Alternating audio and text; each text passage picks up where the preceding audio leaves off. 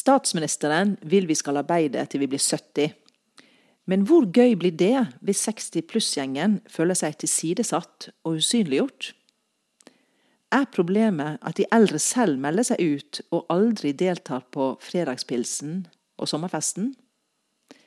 Eller at de unge tror de ikke har noe å bidra med?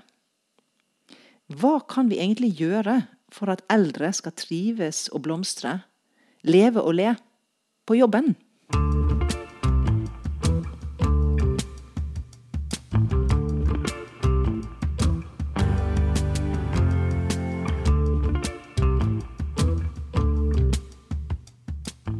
Velkommen til en ny episode av Snakk om jobb. En podkast for deg som er opptatt av alt det som skjer, burde skje eller absolutt ikke må foregå i arbeidstiden. Jeg heter Lisa Wade, og i dag har jeg besøk av Sissel Gran, forfatteren og parterapeuten som vet det meste om kjærlighet, utroskap og begjær. Hun har nå kommet med en bok om et helt annet tema, nemlig aldringsmeditasjoner Inni er vi alltid unge. En fin, liten bok om hvordan det er å bli gammel. Velkommen, Sissel. Tusen takk. Veldig hyggelig at du kunne komme. Veldig hyggelig å være her. Jeg syns du ser godt ut, jeg. Ja, akkurat. Men jeg har lest i boken din at det, det skal jeg ikke si. Nei, jo da, det er helt ålreit. Men det er klart at vi kan bli altfor smigret av det. Altså fordi vi er så opptatt av, eller samfunnet vårt er så opptatt av at vi skal se så freshe og fitte og glatte og fine ut. Dette, så vi blir, derfor blir vi veldig smigret når noen sier 'nei, så godt du ser ut', eller 'du holder deg sannelig godt'. Det er enda verre. ja, du holder deg sannelig godt. Du holder deg sannelig godt. ja. Da, du, da, får du liksom en beskjed om at du gjør leveplikten din, eller du gjør liksom du gjør dameplikten din, da. Mm, ja, ja, og den kan jo ta mye tid jo eldre vi blir. Ja. Ja.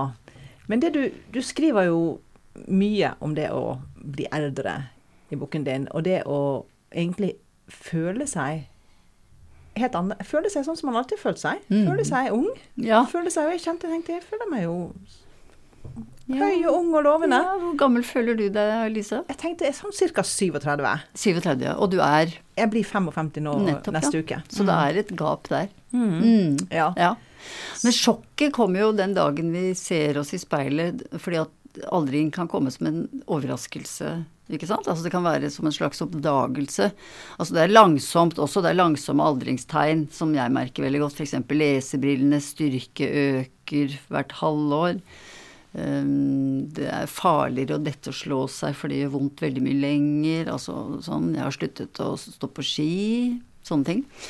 Ehm, men det kan også komme som en sånn plutselig oppdagelse at du ser moren din i speilet, ikke at, og ikke deg selv. Altså at du plutselig ser Oi, er det ikke faren min, eller er det ikke moren min jeg ser der, eller at det er litt det blir et veldig sånn gap mellom den du føler deg som der inne, og den du ser ut som det er på utsiden. Mm. Ja, og det er jo det på utsiden de mm. andre ser. Ja. Sånn det er det utsiden de andre forholder seg til. Sånn, de går jo ikke og tenker at ja, men inni er Lisa 37, eller hun Gran er jo kanskje 50 og noe. Ja. De ser oss fra utsiden. Oss og behandler oss uh, ofte sånn som vi ser ut på utsiden. Ja. Mm. Men, men ja. dette med å bli eldre, hvordan hvordan, um, hvordan, fungerer det på jobben? For mange har jo hatt samme jobb i mange år. Mm. Og da skulle man jo tro at man ble sett på som den man er. Ja, altså det som er så rart med oss, det er at hvis du spør folk, så, så har jo veldig mange den der unghetsfølelsen, eller en, sånn slags tilknytning til sitt indre unge selv. Eller en opplevelse av aldersløshet, da, for å heller bruke det ordet. Aldersløshet, ja. ja. At de kan oppleve, selv om de ikke føler seg sånn unge inni hele tiden, så kan de oppleve at de er den samme inni. At uh, de er litt uforanderlige inni. Ikke i den forstand at ikke du har utviklet deg og blitt flinkere eller kan noe mer eller har lagt bak deg noen dårlige sider ved deg selv og sånn, men en, et uforanderlig selv er liksom til stede inni de fleste mennesker. Og det, dette, de helt unge de får ikke det med seg før de begynner å bli litt eldre. Sånn at de helt unge og de ja, 40-åringene vet ikke at inni 67-åringene så er det kanskje et yngre selv eller en følelse av å være aldersløs, og, og dermed en litt vond følelse hvis man begynner å merke at man ikke lenger er så relevant på jobben, eller blir regnet med på samme måte som man gjorde før. Ja. Mm. Men blir folk det, eller er egentlig det en myte? Jeg har litt ulike erfaringer når jeg har, har sjekket litt rundt det der. Hvordan, Ja. eh, no, noen steder så fungerer det veldig godt. Altså, Ja, folk som blir eldre, Ja. blir, eh, blir eh, har mye erfaring, Mm. det blir verdsatt og sånn. Og så er det miljøer hvor det er tøffere. Ja, jeg tror det er veldig avhengig av hva slags virksomhet man jobber i. Altså at hvis du jobber i Jeg tror at i en del mediebransjer så er det veldig Der er du litt utsatt hvis du er over 55. Mens i en del mer tradisjonelle bedrifter så tror jeg at du fint kan si at her vil jeg være til jeg, blir, til jeg går av med pensjon. Og innenfor akademia så tror jeg Der sitter jo 70-åringene, og noen ganger 80-åringene. På, ikke akkurat på kontoret sitt, kanskje, men på store kollokvierom og fortsette med sine arbeider. Men jeg vet at i mange medievirksomheter så, så føler 55-åringene seg allerede som litt jaktet på av lederne. Eh, hvor lenge skal du Du har ikke tenkt på sluttpakke, da. Altså litt sånne litt, Hvor de kanskje rett og slett kan komme til å skamme seg litt over å ta opp en plass for yngre krefter som presser på. Ja, det er jo, altså Nå er jo mediebransjen en, en ganske spesiell bransje, men ja. den er veldig, veldig tøff. Men den begynner å bli utsatt. veldig stor, vet du. Ja.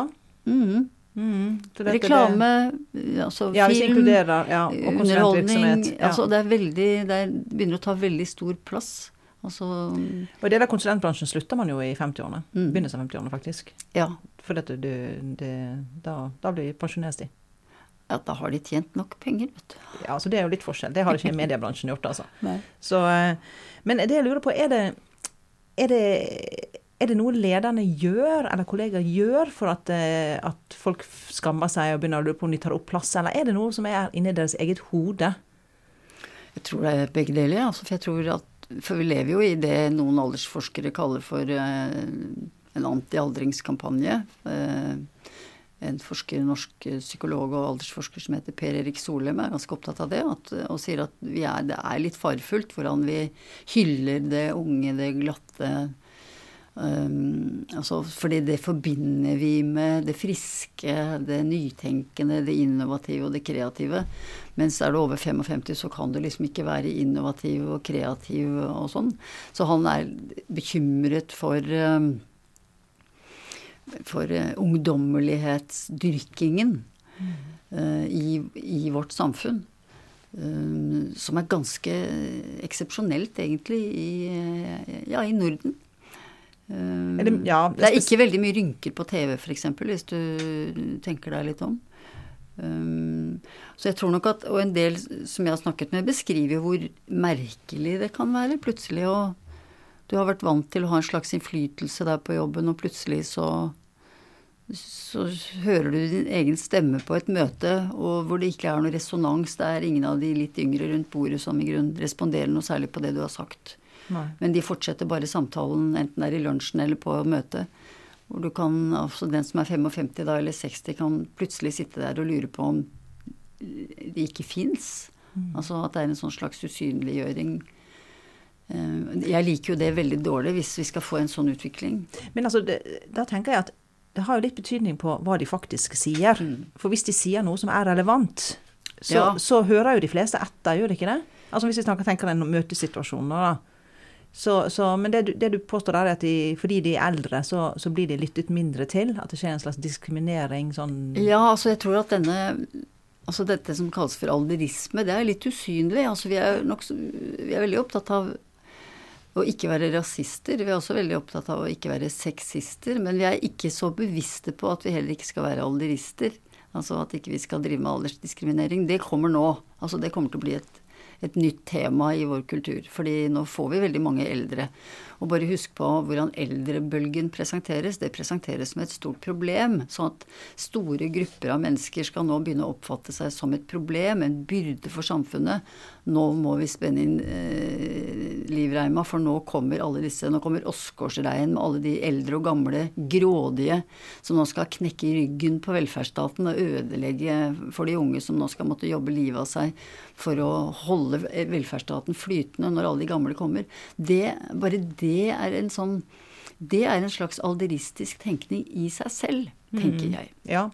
Men jeg tenker veldig på, konkret på ledere og medarbeidere på Mm. arbeidsplassene. Hva kan de gjøre? Hvordan behandler vi våre kollegaer, unge Mm. som gamle? da? Eh, og da, det, det, det som du skriver om usynliggjøring, tenker jeg er ganske interessant. Vi jeg snakket med en, en, Mm.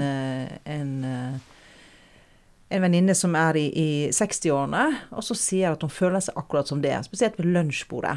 Fordi at alle ved lunsjbordet eh, de er yngre enn henne, og de snakker om temaer som hun ikke har noe å bidra med på. Mm. Det er bleier, og det er barnehage. Okay. Eh, eller de snakker om, eh, om eh, eh, Game of Thrones. ja. Eh, og, så, og så henvender de seg aldri til henne som om hun ikke er interessert i det. Mm, mm. Og da spurte jeg ja, men er du interessert i det, da? Nei, det var hun ikke. Nei. Nei. Og da er det jo ikke så rart at de ikke henvender seg til henne. Men det er klart at, at ved et lunsjbord og i enhver sånn sosial sammenheng, så er det jo på en måte naturlig å inkludere alle i en samtale, og finne noen temaer som flere kan delta i. Ja. Iallfall noe av lunsjen. Men jeg er enig med deg at hvis For det Du vet, vi må forsøke å tenke når vi blir eldre da, og kanskje føler oss litt irrelevant innimellom, så er jo en måte å være med i en samtale på, eller gjøre seg relevant på, det er allmennmenneskelig. Det er å, å være interessert. For hvis du ikke er interessert og bare sitter og føler deg tilsidesatt og blir litt krenket og fornærmet, så har du tapt, på en måte. For det, og det er jo ingenting som er så lett som å spørre de som er litt yngre enn deg, om hvordan det er å være dem. Og være litt opptatt av deres liv og levnet. Og hvis du ikke er opptatt av Game of Thrones, da, som jeg forresten virkelig er, så må du spørre hva er det for noe? Hva, hva foregår i denne Hva var det du kalte det? Var det Game of Thrones du kalte det? Altså, selv om du ikke vet hva det er, så må du kanskje vise en slags interesse, ikke bare sitte og snøfte i barten. For det, det kommer du ingen vei med. Være, så det, hvis vi ender opp med å bli sånn gråhårede og fornærmede medarbeidere, da kan vi ikke regne med kred. Nei. Nei, det følger jeg helt på. Å være litt interessert å prøve. Ja. Prøve, rett og slett. Og uh, mm, Ja, være til stede i den verden som foregår nå. Altså, det er ingenting som er så slitsomt som når vi snakker med veldig eldre folk som begynner å knirke om krigen. Det er litt slitsomt når de gjør det for hundrede gang. Ja, og dette kan vi jo si som et sånn advarsel eh, eh, til alle eldre arbeidstakere. Og det å begynne å fortelle veldig mange sånne gamle historier, det, det, det må man prøve. Hold igjen der. Hold igjen. Ta det ut hjemme. Liksom, men ikke, ikke ta det på jobben sånn Nei, For da, det er- veldig mange gamle historier, det vil ikke folk ha, altså. Hvordan man gjorde det Så skal du ikke være ovenfra og ned da, for de som er yngre, fordi du tenker at du vet så mye bedre selv, og at ja, ja, nå skal de finne opp hjulet en gang til, dette vet jo jeg alt om, osv. Det er veldig dumt. Veldig dumt. Og heller, du må, man må jo skjønne når man er et eldre menneske, at ting går litt i ring. Det kommer tilbake, altså de samme klærne, de samme motegreiene, de samme diskusjonene, med noen variasjoner. Og du må ikke da være høy på pæra og tenke at å gud, dette orker jeg ikke en gang til, og ikke ha det en gang, det der har vi jo, dette har jeg opplevd hundre ganger før, og den type musikk likte jeg før, dette som spilles nå er bare ræva. Sånne ting tror jeg det er veldig dumt å tenke. Da syns jeg at man begynner å bli gammel i hodet. Ja, for bare hvis man tenker det, så er det, er det gjort, altså. Mm. Og så tenker jeg at teknologien Jeg tror teknologien har gjort noe mellom på en måte generasjonene, da. Ja. Og, og øh, kanskje er det en myte at øh, de eldre er så mye dårligere enn de middelaldrende. Altså de helt unge, de er jo de som vi kaller for digitale Urinnvånere. urinnvånere. ikke sant? De, er jo, de, er jo, de, er, de har jo dette veldig i fingrene overalt. Men, mens eh, middelaldrende og eldre Hvordan skal vi definere eldre? Eldre, Eldre, eldre, altså middelaldrende tenker jeg det er rundt 50-åringene, 50-åringene, ikke sant. Altså 47, 50, opp mot 60. Ja. Så er de eldre, det er liksom de fra 60 60 pluss. ja. oppover. Og så har du de gamle, altså fra 80 og utover. Altså du kan dele det inn i fire aldre, Ja. ikke sant. Altså hvor jeg er i den jeg er i den tredje alder, mens du er middelaldrende. Vi har jo noen eh, gode rollemodeller da, en er litt litt eldre. Jeg tenker på Håkon Bleken, Mm. Ja. Mick Jagger, ikke Yes, sant? Han, ja. eh, Olav Thon. Ja. Men de færreste sitter jo i landskap. Ingen av de sitter i landskap på kontor og skal forholde seg til eh, unge kollegaer med sånn eh, Nei. høretelefoner. Men du vet at de, hvis du ser på kunstnere, hvis vi skal bare ta en sveip innom det, så det er, de fremstår jo som veldig aldersløse, og hemmeligheten der, det er jo å brenne for noe. Men det tenker jeg alle som brenner for noe, er veldig opptatt av noe, enten det er på jobben sin eller utenfor jobben. og for ikke å snakke om er opptatt av noe annet enn seg selv, Ja. de fremstår jo som aldersløse uansett om de, er, om de er 25 år eller om de er 90 år, ikke sant. For de har noe glød i seg, da. For hvis du bare sitter og glor på navleloet ditt, så er du gammel selv om du er 38 år. Det hjelper kanskje med eget kontor eller eget atelier og eget studio også. For det er, det er en overgang for mange mennesker, dette her. Jeg husker bare, bare Jeg er jo da middelaldrende, og ikke gammel. Ja, Eh, eh, I mine første jobber så hadde jeg jo et stort kontor. Mm. Jeg tror det var sånn 12-14 kvadrat jeg, med eikedør Mm. og stor pult. Det var jo himmelen. Ja, himmel. Og delte på en sekretær med en annen. Det er jo helt, det høres ut som urtiden nå.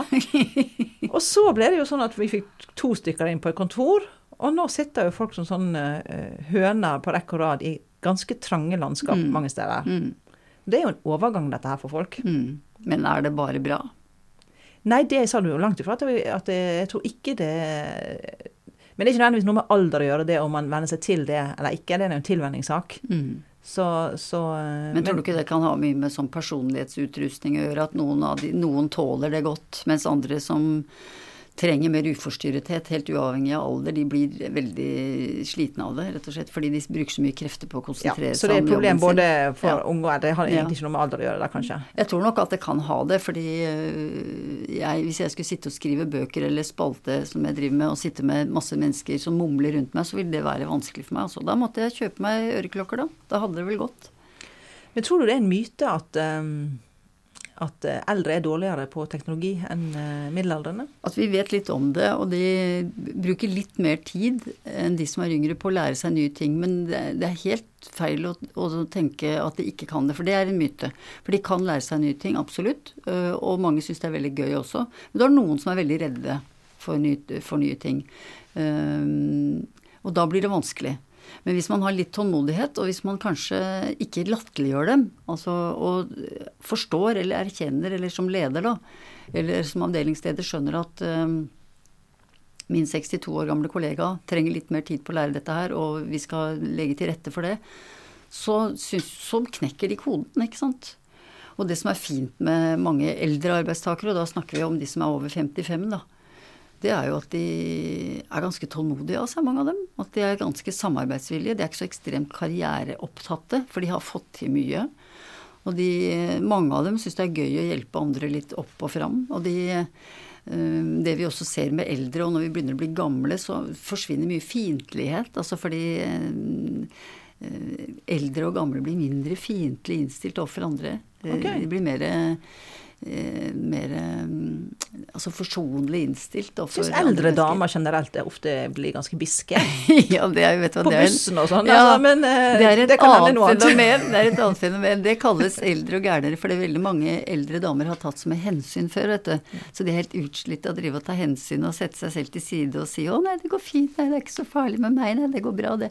Sånn at når de blir eldre og er over 75 og sånn, så slår de til. Altså da, da For da, da slutter de å, å være Det er ikke sånn at de blir slemme, men de blir mindre mm, overtilpasset, da. Ja, mer biske, kan vi si. Ja, vi kan godt si biske. kan gå- si, godt si. si. Nei, men Du var inne på alle fordelene ved, ved, ved de eldre. da. Mm. Eh, vi kan jo fortsette litt på den. Eh, de blir jo ikke gravide. Nei, det er jo helt sant. Og så, og så, ting, ja, Ja. og så skal de ikke ha masse sånne konferansetimer midt i arbeidstiden. Nei. Det er heller ikke. Så de er vel en relativt stabil arbeidskraft. Ja, og så Eh. sier jo noen ledere jeg kjenner, som har vært ledere bestandig, at det er noe befriende med de eldre ansatte. De trenger ikke så veldig mye heiarop. Altså, de må ikke oppmuntres og motiveres og snakkes med hele tiden, for det en del av den yngre garden trenger veldig mye oppbacking eller feedback og heiarop, mens mange av de litt eldre, de vet godt hva de skal gjøre. De trenger ikke så mye, de trenger ikke så mye pushing og oppmuntring. Nei, de har litt mer sånn indre, Ja, indre mer motivasjon. inne, for de har nettopp det, og det viser jo aldersforskningen også, at de har mer indre motivasjon og er ikke så styrt av ytre insentiver. Nå snakker vi om, om eh, eldre og mye som om det er medarbeidere, men det er jo faktisk en god del eh, eldre som er ledere. Mm. Uh, og, og, og det jeg har merket meg, er at de er de aller dårligste når det gjelder å ta i bruk ny teknologi. Ja. Rett og slett. Fordi at de, de har ikke tid. De Eller ikke, tid, eller, eller ikke interessert nok og sånn. Så de, de ligger ofte litt langt bak der. Men de skyver det over på de unge, kanskje. Ja, de lærer seg jo noe etter hvert, men det tar ofte, det tar, de er ofte veldig sent ute med det. Mm. Mm. Så, så De har ikke prioritert det, rett og slett. Nei. Nei. Mm. Nei, det altså kanskje de må få litt grann dytt og dult eh, for å mm, få til det litt bedre, da. For det, det, er et, det som er et poeng, det er jo at du ikke må fremstå som inkompetent som eh, leder i det hele tatt, og iallfall ikke som eldreleder. Og da må du heller si 'dette er ikke jeg god på', dette gjør dere. Man må være veldig åpen på hva man skal prioritere, hva man skal bruke tiden sin på som leder, tenker jeg. Ja, og det kan jo være veldig rasjonelt og fornuftig, akkurat det, altså. Så, I stedet for at de skal sitte og fomle, da. Og, Ja. Mm, Så, så, men generelt så tenker jeg for, for eh, fordi at dette med, eh, Grunnen til at jeg tar opp dette med teknologi, at det blir en sånn veldig sånn synlig ting. For man har autoritet fordi man er erfaren, og man er, har jobbet noe, har stor kunnskap og noe, stort nettverk, og mange av disse store fordelene som eldre arbeidstakere har. mm. Men så fremstår man som litt sånn klossete og udugelig fordi man da ikke klarer å komme seg inn på det relevante dokumentet, eller ikke klarer å koble seg opp på videosamtalen og sånn. Mm. Så, så, så jeg tenker at hvis man gjør, tar en liten sånn stuntinnsats innsats der, og prøver å lære seg det, Mm. eh, alliere seg med noen, sånn at man lærer seg Ja. liksom de, de par sånne viktige ting, eh, så går det jo an. Ja, ja, ja, det er klart det går an. Men jeg tror at man må ikke da må ikke føle at du har liksom sånne kritiske argusøyne på deg. Ja, nå tabbet han seg igjen, liksom. Eller, ja, det, man må ta det der litt med det gode, tenker jeg. Eh, kolleger og andre må ta det litt med det gode, og heller backe opp litt. Altså, man får heller hjelpe hverandre litt. Ja. For jeg syns det er veldig viktig på en arbeidsplass, og i samfunnet også, at det er litt brobygging mellom de yngre og de eldre. At ikke vi får aldersapartheid, verken i samfunnet eller i, på arbeidsplassene. For det risikerer vi faktisk å få i dag. Med usynliggjøring av eldre og veldig, hva skal vi si, framsnakking av alt som er ungt og innovativt og kreativt. Vi trenger også det erfarne. Vi trenger jording, og vi trenger, eh, vi trenger noen eldre øyne på, på både på det som skjer på arbeidsplassen og det som skjer i samfunnet generelt. Uten en, uten en forbindelse mellom de eldre og de yngre, så er jeg redd for hvilken vei vi går. Jeg er helt enig i det. altså. Eh, jeg syns det er veldig interessant dette med sånn mentorvirksomhet. Mm. Eh, for dette, det har jo tradisjonelt vært en eldre som er mentor for en yngre. Mm. Men vi kan godt tenke oss et gjensidig forhold der. For den eldre vil også ha stor nytte av å ha en yngre eh, Ja, som ja, kan ja, bid- ja. bidra på forskjellige ting. Så Ja, at det kan være et uh, tosomhetsforhold. Det vil ikke bare være den ene, den eldre som hjelper den yngre. Ja, men jeg er hjertens enig. Jeg har hatt veileder i, i psykologi, i parterapeutisk eh, nytenkning, som, har vært, som er 10 og 15 år yngre enn meg, og som er kjempeflinke, og flinkere enn meg. Ja, Og det er bare helt strålende. ja, for da lærer man jo veldig mye. Ja, ja, masse. Men en ting jeg lurer litt på, er akkurat dette med å Det ser ut som eldre skifter mindre jobb. Altså når du er over Ja. 55, så For det er antagelig du, du får ikke så lett andre jobber. Så slutter man kanskje å søke, og så må man gående i den samme jobben. Mm. Kanskje med de samme arbeidsoppgavene også. Mm. Uh, og det, det vi vet, er jo at det å, å skifte jobb eh, Det kan godt være internt, det er jo en det, da, da får du en veldig bratt læringskurve. Mm. Du lærer veldig mye. Mm. Det kan være vanskeligere å lære mye når du går opp i det samme år etter år. Så sånn sett så er det en litt sånn uheldig sirkel, da. Mm. Jeg er enig i det. Det som kanskje er et enda større problem enn det, det er jo at ingen vil ha dem. Altså hvis du Ja, det henger jo sammen, da. Man Mm. klorer seg fast der man er, fordi der har man iallfall jobben sin og en inntekt og et arbeidsmiljø. For det er veldig mange som eh, er blitt permittert, eller altså som har sluttet, eller som er blitt bedt om å slutte, som har store problemer etter fylte 50 med å finne seg en ålreit jobb. Og det er jo, tenker jeg, helt eh, Det er virkelig helt feil. Ja, for nå blir vi jo eldre og eldre. Det Ja. er jo 100-åringer i avisen over nesten Ja, hver eneste dag. Så er det hundreåringer i avisen. Da begynner det å bli ganske mange år, altså. Uten jobb. Ja, det kan du ikke. Hvis du skal leve uten jobb fra du er 50 til du er la meg si 85-93 år, uten, altså ufrivillig ute av arbeidslivet for, mange, for noen så er det ekstremt ødeleggende. Nå strever jo menn mer med å være ute av arbeidslivet enn kvinner. Kvinner har jo tradisjonelt iallfall hatt veldig mye De finner på så mye. De fyller kulturhusene og kulturinstitusjonene og bibliotekene og driver med masse nettverksarbeid og alle sånne ting. Mens Eldre menn har iallfall hatt til nå altså store problemer med å finne seg til rette hvis de ufrivillig blir satt ut av spill arbeidsmessig. Ja, for det må vi prøve å unngå. Ja. Og hva kan vi gjøre? Altså, hva kan Da har vi vært innom litt om det. Hva, Mm. hva ledere kan gjøre, hva, hva kolleger kan gjøre, og hva de, hva de Innse sin egen alderisme. Altså, din egen alderisme. Rett og slett bli oppmerksom på, på samme måte som vi må arbeide med å ikke være rasistiske i vår holdning, eller sexistiske, så må vi også arbeide med å ikke være alderister. Altså å være aldersdiskriminerende. Men virkelig ta oss eh, sammen og begynne å snakke om det. Ha møtevirksomhet om det, diskutere det, ha det som et tema på jobben.